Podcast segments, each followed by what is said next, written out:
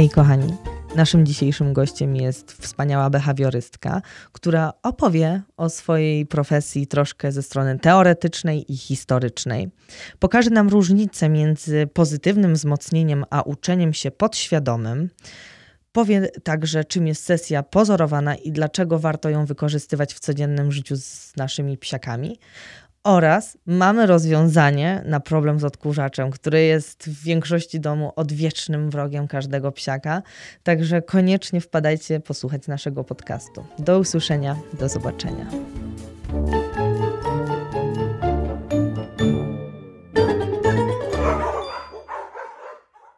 Hej kochani, naszym dzisiejszym gościem jest Barbara Sikorska. Na pewno znacie ją z profilu Wspaniały Pies na Instagramie. Basia na co dzień pomaga właścicielom zwierzaków w opiece nad nimi. Hej Basiu. Cześć, dzięki za zaproszenie. E, Basiu, chciałabym z Tobą dzisiaj e, porozmawiać e, na tematy behawioralne, bo to jest to, z czym najczęściej się mierzysz. Wiem z Twojego właśnie także profilu, że sama miałaś problemy ze swoim zwierzakiem. E, dokładnie. Moja Ezra e, była adoptowana przeze mnie ze schroniska i przyznam, że mimo, że już wtedy wiedziałam, że będę chciała się zajmować e, pracą z zwierzakami, no to ładnie mówiąc nie wiedziałam na co się pisze. Ezra okazała się potwornie lękliwym psem, bardzo reaktywnym, do tego stopnia, że na przykład jak zatrzymywałam się na ulicy na trzy sekundy, żeby, nie wiem, sprawdzić godzinę, no to Ezra ponosiła taki jazgot z emocji po prostu, dlatego że stała w miejscu, że ludzie wyglądali z okien, czy na przykład nie katuje psa, bo mm -hmm. po mhm. prostu tak to brzmiało. No a wisienką na torcie było to, że e, mniej więcej pół roku po adopcji wyszło, wyszły jej problemy neurologiczne, tak zwany syndrom łapacza much, e, który powodował u niej po prostu halucynacje, e, a to z kolei przerodziło się w jeszcze więcej absurdalnych lęków, takich jak Lęk przed cieniami, lęk przed światłem, lęk przed wiatrem. E, ja myślę, że nie wiem, czy że tak w apostrofach, czy zwykły człowiek to zauważa, ale jak zmienia się temperatura, to zmienia się gęstość materiałów i one czasami wydają takie strzyknięcia. Więc jak rano pada na przykład światło na okno, to one zaczynają strzygać. I na przykład między innymi tego Ezra się bała, więc miałyśmy pracę no długą i ciężką, ale mogę powiedzieć e, z ręką na sercu, że było warto. No to wspaniale to słyszeć i, i zresztą widzieć, bo na co dzień możemy to właśnie y, gdzieś e, widzieć na Twoim story y, czy y, na zdjęciach. No dobrze, ale powiedz mi w takim razie może na samym początku, kim jest behawiorysta? No słuchaj, wybrałaś tutaj pytanie, temat rzeka na początek. Ale uważam, że jest to bardzo cenne pytanie. Myślę, że Czasem mam wrażenie, że nawet niektórzy behawioryści nie wiedzą, kim są behawioryści i skąd to się wzięło, więc może po prostu zaczniemy od początku. Więc tak. Jak, e, może inaczej, jak e, psychologia zaczynała być popularna, no to właściwie mm, stało się to za sprawą niejakiego Freuda, tak? Tyle, że Freud, e, mimo że zasłużył się dla nauki tym, że właśnie rozpopularyzował psychologię i dzięki temu ludzie teraz pewnie chodzą częściej do psychologa i tak dalej, no to niestety jego nurt psychoanalizy był wtedy bardzo, bardzo nienaukowy. Miał on różne dziwne teorie, e, na przykład, e, że lęki u kobiet jest to spowodowane jakąś kobiecą histerią, która pochodzi z macicy i dlatego trzeba wyciąć jej kawałek nosa, bo nos jest powiązany z macicą. No i był bardzo duży kontr, mm, ruch do tego, jakby dużo naukowców się z tym nie zgadzało, z takim podejściem. I z tego powodu powstała taka, wtedy to jeszcze była filozofia naukowa, która została właśnie nazwana behawioryzmem. No została tak nazwana przez niejakiego Watsona, który niestety też za fajną osobą nie był podobnie jak Freud, no ale przynajmniej starał się polegać na twardszych dowodach. No i właśnie behawioryzm mówił o tym, że e, w pracy psychologicznej, w pracy nad e, zachowaniem musimy polegać na rzeczach, które mamy dobrze zbadane, które jesteśmy w stanie e, zaobserwować, które jesteśmy w stanie doświadczalnie zmierzyć. I właściwie tak powstał behawioryzm. I ten behawioryzm na początek był rozwijany przede wszystkim pod ludzi, mimo że większość eksperymentów była prowadzona na zwierzakach, ale w tamtych czasach jeszcze e, wierzono, że dokładnie w taki sam sposób e, uczą się wszystkiego i ludzie, i zwierzęta. I prawdą jest, że metody uczenia się zwierząt są takie same dla wszystkich zwierząt, w tym dla człowieka. Natomiast my mamy jeszcze bardzo rozwiniętą tą część poznawczą, tak? Czyli mm, możemy sobie pewne rzeczy na zasadzie abstrakcyjnych myśli wytłumaczyć, no zwierzak sobie tego nie wytłumaczy. Dlatego my mamy już terapię poznawczo-behawioralną, a zwierzęta mają terapię behawioralną, tak? I tak naprawdę jak dosyć późno, bo myślę, że tak mniej więcej w latach 60., kiedy u ssaków morskich zaczęto korzystać z wiedzy właśnie z dziedziny behawioryzmu, no to te metody zaczę zaczęły się też popularyzować wśród innych zwierząt. W końcu zostały też przejęte przez psiarzy. I tak powstała nazwa behawiorysta, e, oznaczająca osobę, która w swojej pracy ze zwierzętami posługuje się wiedzą z dziedziny behawioryzmu. Mhm, dobrze, super. E, czyli A, tak, proszę. proszę. proszę Nic, chciałam powiedzieć, że jakby w takim ogólnym obiegu e, behawiorysta jest to po prostu osoba, która e, pomaga rozwiązywać różne problemy. E, mówi się, że są to problemy związane z zachowaniem, czyli jakby mm, chodzi o pracę właśnie, z, przede wszystkim o zmianę zachowań, no ale w praktyce tak naprawdę bardzo wiele zachowań jest spowodowanych stricte emocjami, więc tak naprawdę ta praca jest mocno rozszerzona również na inne sfery. Mhm. A w takim razie, y, czym, na czym opierasz ty swoją pracę jako behawiorystka? No ja myślę, że jestem e, behawiorystą, behawiorystką e, z, krwi, z, krwi, i kości, e, dlatego że faktycznie opieram ją przede wszystkim na wiedzy z dziedziny behawioryzmu, ale także po prostu ogólnie mm, opieram ją na e, wiedzy naukowej. Tak? Bardzo pilnuję, żeby to, co mówię moim klientom, czy e, to, co robię ze zwierzakami, mm, miało jakieś podstawy, E, żebym wiedziała, że to nie są jakieś rzeczy wyssane z palca.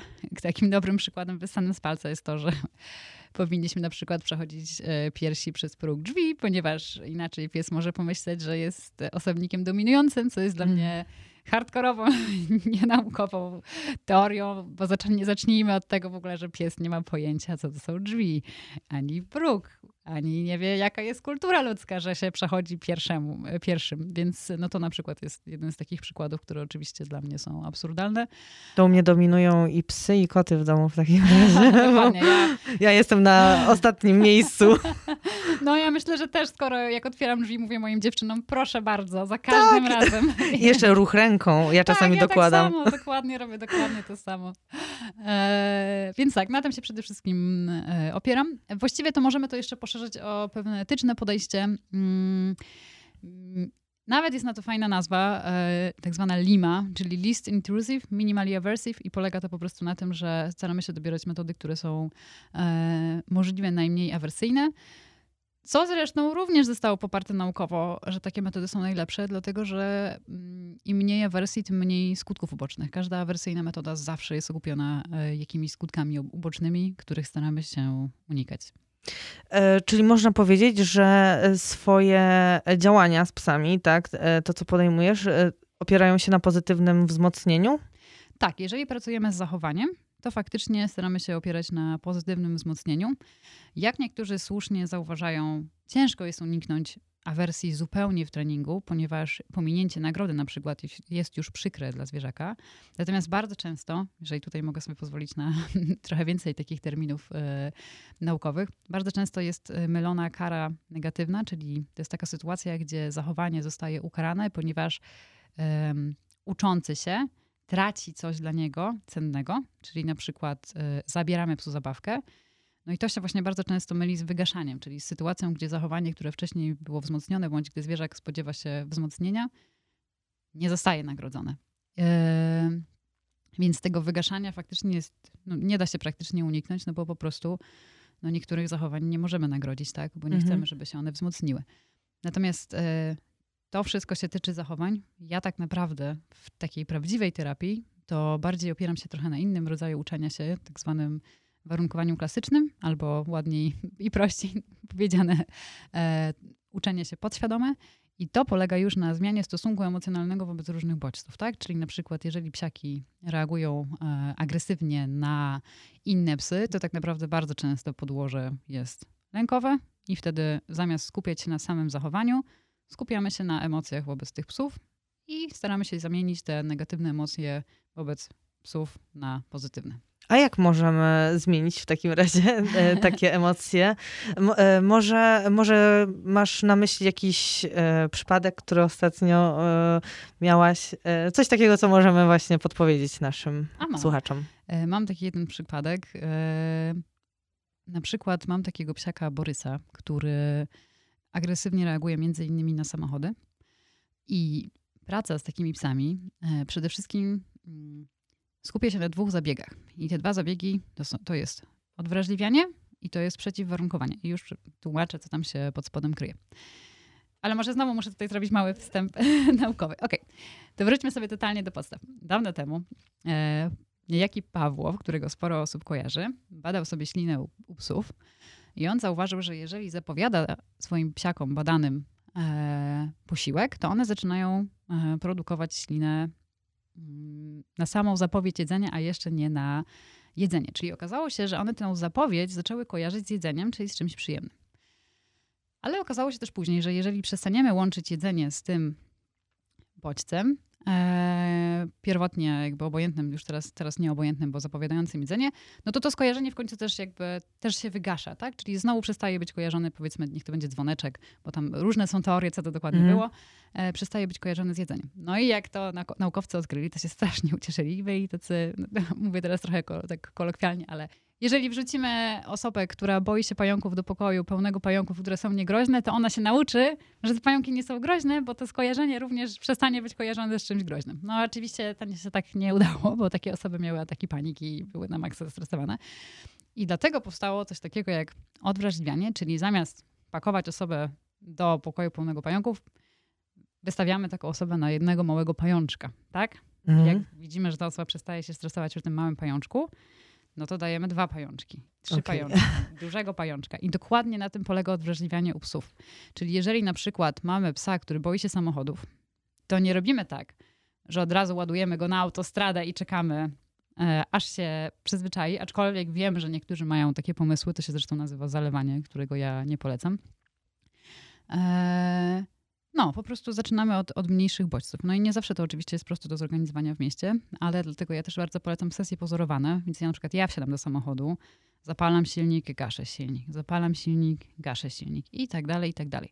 Czyli możecie to po prostu na bieżąco kontrolować? Staramy się e, to kontrolować, jest to bardzo ważne i to jest moim zdaniem najtrudniejszy element terapii. Mhm. Też najczę najczęściej widzę u klientów tutaj taki spór, że ale jak to? Przecież mieszkam w mieście, jak mogę sobie z tym poradzić inaczej? No tutaj, jeżeli na przykład jesteśmy w totalnie patowej sytuacji, no to ja bardzo polecam jednak sięgnąć po farmakoterapię, w sensie po leki i nie ma się co ich bać. Naprawdę jakby w mojej całej karierze nigdy nie widziałam, żeby leki wywołały negatywne e, efekty. Poza, okej, okay, z wyjątkiem leków na padaczkę faktycznie tutaj, e, zresztą to była moja ESRA i bardzo źle jakoś je stolerowała, natomiast cała reszta takich leków, które mają stricte pomagać z lękami czy z zaburzeniami depresyjnymi, to widziałam zawsze same pozytywne efekty.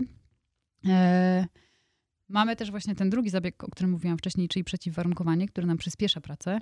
I to polega na łączeniu e, bodźców, które wcześniej były źle skojarzone z czymś przyjemnym. Czyli na przykład, jeżeli jedzie samochód i za każdym razem, kiedy ten samochód jedzie i w momencie, kiedy pies go widzi, pies dostaje powiedzmy wielki kawałek parówki, no to z czym zaczyna kojarzyć te samochody? No zaczyna je kojarzyć z czymś fajnym, tak? Mhm. Zresztą tutaj może tak nieładnie się wypowiem, ale bardzo często widzę ten błąd popełniany przez um, trenerów um, w Polsce, czyli uczenie psa od razu odwracać się od tego samochodu i dopiero wtedy go na, nagradzanie, mhm. ale my nie chcemy tak naprawdę, bo to moim zdaniem dalej jest trochę zaleczanie objawów, bo po prostu uczymy psa, jak się w tej sytuacji zachować. Mm, zdecydowanie lepiej zacząć od nagradzania psa w momencie, kiedy on patrzy na ten bodziec na samym początku, bo my chcemy, żeby on konkretnie skojarzył ten bodziec z czymś przyjemnym. I to właśnie jest to przeciwwarunkowanie. Mhm. Czyli tak jakby zmiana tego negatywnego stosunku do tego bodźca na pozytywny.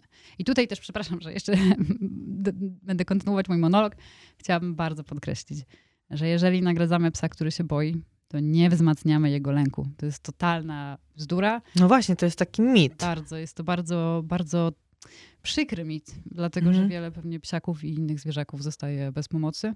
Mhm. Nie da się nagrodzić lęku, nie da się nagrodzić um, tak jakby apostrofach znowu złych, złych emocji, przepraszam, e, pozytywnymi bodźcami. To właśnie jest przeciwwarunkowanie, czyli jeżeli zlękniony pies dostanie wielki kawałek parówki, to to właśnie jest przeciwwarunkowanie. Zresztą wystarczy sobie pomyśleć o ludziach.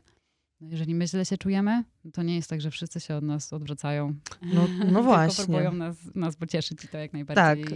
I to działa. działa. Dokładnie, nie? Jedyny błąd, jaki możemy popełnić, to jeżeli my pokażemy psu, że też się boimy. No bo psiaki również uczą się od nas, więc jeżeli pies zobaczy, że my się boimy, bo jesteśmy mega roztrzęsieni, nie wiem, szarpiemy smyczą i, i tak dalej, no to pies sobie może pomyśleć, no jak ona się boi, czy tam on, mhm. no to jest się czego bać, nie? Mhm. No to tego oczywiście chcemy uniknąć. Jasne. Teraz mi e, po tym, co powiedziałaś, przyszedł taki e, przykład. Mówiłaś o samochodach, ale chyba e, coś, co, z czym najczęściej borykają się właściciele psów, to jest lęk przed odkurzaczem. Jak tak. często spotykasz go na swojej drodze i, i czy właśnie tym, co powiedziałaś, czyli właśnie takim samym patrzeniem, na, tak, tą całą mhm. drogą, co wspomniałaś, możemy pokonać ten lęk. Tak, właściwie jeżeli jakiś e, opiekun przychodzi do mnie i mówi, zazwyczaj, znaczy nie miałam jeszcze nikogo, kto przyszedł do mnie wyłącznie z lękiem wobec mm -hmm. odkurzacza, natomiast bardzo często jestem na liście razem z innymi problemami.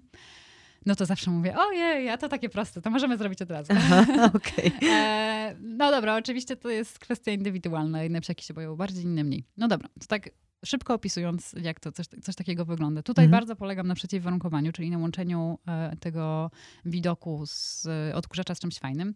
Bardzo polecam na przykład podzielić odkurzacz na parę części, czyli bierzemy sobie na przykład taki, taką nie wiem, rurę od odkurzacza z tą końcówką, chowamy ją za plecy, wyciągamy ją przed siebie, pokazujemy psu, w sensie, żeby ją widział. Wtedy mówimy na przykład, dobry pies, ja używam klikera, czyli klikam. Mhm chowam rurę, daję psu nagrodę. I robię to powiedzmy 20 razy. Nie? Czyli mhm. zaczyna psiak kojarzyć, że o, ale fajnie, ta rura od odkurzacza to znaczy, że dostanę coś fajnego. No dobra, no i potem na przykład możemy zacząć e, na przykład pokazywać cały odkurzacz. E, wystarczy, już nie musimy może nim machać w to i z powrotem, mhm. ale na przykład wystawiamy na, na środek pokoju i z każdym razem, kiedy pa, pies patrzy w kierunku tego odkurzacza, dostaje nagrody. Jeżeli jeszcze tutaj do niego podejdzie, no to jeszcze więcej nagród. Nie robimy tego nigdy na siłę, czyli nigdy nie ciągniemy psa do odkurzacza. E, po prostu on e, sam powinien podejść. Bardzo też e, nie polecam mm, na sam początek od razu kłaść jedzenie na odkurzaczu, dlatego że yy, często jest tak, że psiaki po prostu sięgają po to jedzenie, bo tak strasznie je chcą, ale mhm. prawda jest taka, że dalej się tego boją. Dużo lepszą decyzją jest na przykład dotknąć ręką odkurzacza, czyli pokazać psu, że my się nie boimy, bo jak najbardziej psy też się od nas uczą. Mhm. I jeżeli pies robi jakikolwiek krok w tym kierunku, no to też Nagradzamy. możemy go tak, nagradzać i pokazywać mu, że takie fajne, pewne z siebie zachowania wobec odkurzacza nie przynoszą nic złego, a wręcz przeciwnie. No i jeżeli na przykład mamy psiaka, który jest już w stanie przebywać przy wyłączonym odkurzaczu, bo już sobie to wszystko przećwiczyliśmy i jest fajnie, no to możemy zacząć robić bardzo drobne ruchy tym odkurzaczem. Zaczynając od tego, że na przykład dosłownie tak go pykniemy ten odkurzacz. I tutaj znowu, jeżeli mamy marker, to klik, czy tam mówimy dobry pies i nagroda. I znowu delikatnie przesuwamy odkurzacz, nagroda. Jak mamy przećwiczone wszystkie te przesuwania odkurzacza, że już możemy wymachiwać tym odkurzaczem i nic się nie dzieje, bardzo wiele psów, jak już zaczyna rozumieć tą zabawę, no to to też się przy tym cieszy. E, no to możemy zacząć sobie ćwiczyć. To jest najbardziej taki newralgiczny moment, włączenie. I to dosłownie robimy takie włączenie, wyłączenie. I natychmiast mega, mega dużo nagród. Czyli żeby znowu jakby ten, to włączenie, wyłączenie, ten krótki dźwięk, Czyli dźwięk. zapowiedział mhm. lawinę tych nagród. No i to właśnie wszystko jest cały czas to przeciwwarunkowanie.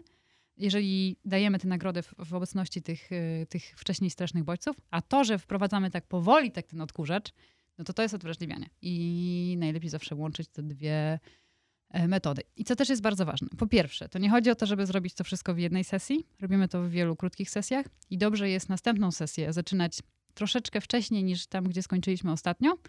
One tak powinny trwać 3 do 5 minut. E, I druga rzecz jest taka, że jeżeli tylko zauważymy jakikolwiek objaw stresu, to znaczy, że poszliśmy za daleko, nie ciśniemy dalej tego samego poziomu, tylko cofamy się o krok i wolniej podnosimy kryteria. Czyli jeżeli na przykład przesunęliśmy odkurzacz o 10 cm i tu pies nam się zestresował, to zamiast znowu to zrobić, to robimy, że przesuwamy o centymetr, o 3 cm, mhm. 7 cm i o 10 cm. Bardzo dobra. E, myślę, że to będzie metoda. Sama muszę wypróbować, bo e, moje psiaki potrafią e, bać się już na samo to, że słyszą, jak wyciągam odkurzacz mhm. szafy. Tak, to tutaj już można zacząć nawet od otwierania szafy. Czyli na przykład mhm. sięgasz ręką w kierunku szafy, nagroda. Znowu sięgasz ręką w kierunku szafy, nagroda. Potem na przykład dotykasz tej szafy, nagroda. Czyli rozbijasz sobie to na, na czynniki pierwsze. Tak, tak, tak. dokładnie mhm. o to chodzi. Dokładnie o to chodzi. Super, e, bardzo mi się to podoba. Na pewno przetestuję. Ciekawa jestem, e, czy nasi słuchacze e, mają podobny problem. E, ale e, okej, okay, powiedziałyśmy sobie o odkurzaczu, powiedziałyśmy trochę właśnie o tych metodach e, pracy ze zwierzakami. chciałabym w takim razie się dowiedzieć od ciebie, jak warto przygotować siebie i, i zwierzaka na spotkanie z behawiorystą, taką osobą właśnie jak ty. Już jesteście umówieni na spotkanie, tak? To, to już pomijmy ten krok. Okay. Co dalej? Szczerze mówiąc, ja wymagam naprawdę niewiele. Jedyne o co proszę, to żeby mieć ze sobą jakieś jedzonko, które pies może jeść i które lubi, o ile takie istnieje.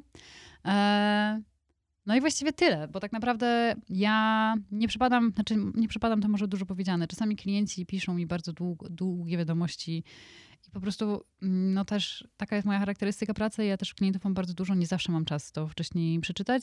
Najczęściej to robię w biegu przed spotkaniami. Dużo mhm. bardziej wolę e, na spokojnie wypytać klientów o wszystko, bo ja i tak prowadzę zawsze swój wywiad, bo muszę wyciągnąć wszystkie dla mnie istotne informacje. I praktycznie zawsze, jak kończę mój wywiad i pytam, czy coś jest jeszcze do dodania, to klienci, no nie wiem, nie pamiętam, kiedy ostatni raz powiedzieli mi, że jest coś jeszcze do dodania, bo ja i tak te informacje znajdę. E, druga rzecz jest taka, że mm, jeżeli mamy jakieś takie sytuacje, które dzieją się codziennie i których nie da się uniknąć, to wtedy proszę o nagrania. Natomiast absolutnie nie proszę o nagrania sytuacji, które klient musiałby wywołać specjalnie, mm, dlatego że za każdym razem, jeżeli jakieś zachowanie się już występuje, wystąpi, to ono się wzmacnia, czyli po prostu będzie miało zwiększoną szansę występowania w przyszłości. Więc nie chcę, by klienci na przykład specjalnie zabierali swojego psa w stresujące miejsce, żeby pokazać mi, jak to wygląda. I też często mam takie, o to może wyjdziemy na dwór i pójdziemy do psów, to pokażę, jaki, jaki jest agresywny. Ja mówię, nie, ja w to wierzę. My będziemy się tak starali już teraz rozegrać sytuację, żeby on możliwie nigdy nie był agresywny. Więc e, oczywiście wiadomo, no nie jest to zawsze takie proste, szczególnie jeżeli mieszkamy w miejscu, gdzie jest więcej psów, więcej ludzi. Ale tak, podsumowując, niewiele trzeba przygotować. E, ja naprawdę też robię zawsze bardzo, bardzo rozległe notatki podczas sesji. Też robię często listy zakupów niestety, ponieważ e, jednak jest sporo akcesoriów, które bardzo nam ułatwiają pracę z psem. E, no, tak to wygląda. Dobrze, czyli e, nie jest tutaj wymagane, przynajmniej na to pierwsze spotkanie, jakieś e, nie wiadomo jakie przygotowanie, ale właśnie tak jeszcze podczas Twojej wypowiedzi nasunęło mi się e, na myśl to, czy właśnie pierwsze spotkanie odbywa się w domu, czy właśnie na, podczas spaceru? Ja preferuję spotkania w domu. Właśnie to mnie trochę przeraża, jakbym się chciała na przykład przeprowadzić poza miasto i wiem, że niektórzy trenerzy tak robią, że problemowe psy zapraszają do siebie. Mm, no, przyznam szczerze, że trochę nie ufam takim rozwiązaniom, bo już dużo bardziej wolę, kiedy robimy sesję online i kiedy ktoś po prostu może mi kamerą pokazać, co się w tym domu dzieje, jak to wszystko wygląda, bo uważam, że jest to bardzo istotne, żeby zobaczyć, w jakich e, warunkach psiak żyje na co dzień. E, także jeżeli tylko to jest możliwe, to zawsze spotykam się albo u klienta, albo online. Chyba, że oczywiście pracujemy nad jakimiś rzeczami, które są związane z dworem, e, na przykład właśnie nad, kontaktem z innymi psami czy z samochodami, no to wtedy wychodzimy. Tak, zazwyczaj jest, że pierwszą albo, pierwszą albo dwie pierwsze sesje spędzamy jeszcze w domu, a później już y, też pracujemy na dworze. Bardzo, czyli yy, bardzo dziękuję, chciałam powiedzieć, a i chciałam jeszcze dodać, że e, właśnie dzięki temu taka otwarta się stajesz jakby, tak? Na to właśnie, że na ten problem, który e, występuje, no, że nie ograniczasz, klient ci mówi, że ok, mamy problemy na spacerach, a ty mówisz tylko nie, no wszystko w domu przerabiamy. Nie, czyli sesje z tobą mogą też odbywać się właśnie na dworze. Tak, tak no właściwie mm, przede wszystkim odbywają się tam, gdzie e, jest źródło problemu, natomiast bardzo często problemy związane, znaczy problemy, no te jakby rzeczy, które nas martwią, które dzieją się na dworze, są też związane z rzeczami w domu, bo na przykład pies nie może się uspokoić w domu, tak? No jeżeli nie ma, mamy psiaka, który nie może się uspokoić w domu albo który chodzi po ścianach, jak wychodzi na spacer, no to trudno się potem dziwić, że zaczyna bardzo emocjonalnie reagować na wszystkie bodźce spotykane na dworze. Także dla mnie na przykład jest super istotne, żeby tak zrobić taką idealną bazę, tak? Czyli, że pies w domu jest spokojny, że nie stresuje się, nie dostaje totalnego szaleństwa na spacer. No i wtedy na przykład pracuje się z takim psem na dworze o wiele, o wiele lepiej. Ale, ale tak, no absolutnie nie ograniczam się ani tu, ani tu. Czyli najpierw przygotowujemy grunt, a później możemy Dokładnie. zacząć działać. No dobrze, dziękuję Ci, Basiu, za naszą dzisiejszą rozmowę. E, kochani, śledźcie nas koniecznie, dlatego że e, na, na dniach na pewno pojawi się następna e, część rozmowy. Jeszcze raz Ci dziękuję i do zobaczenia. Dzięki, do zobaczenia.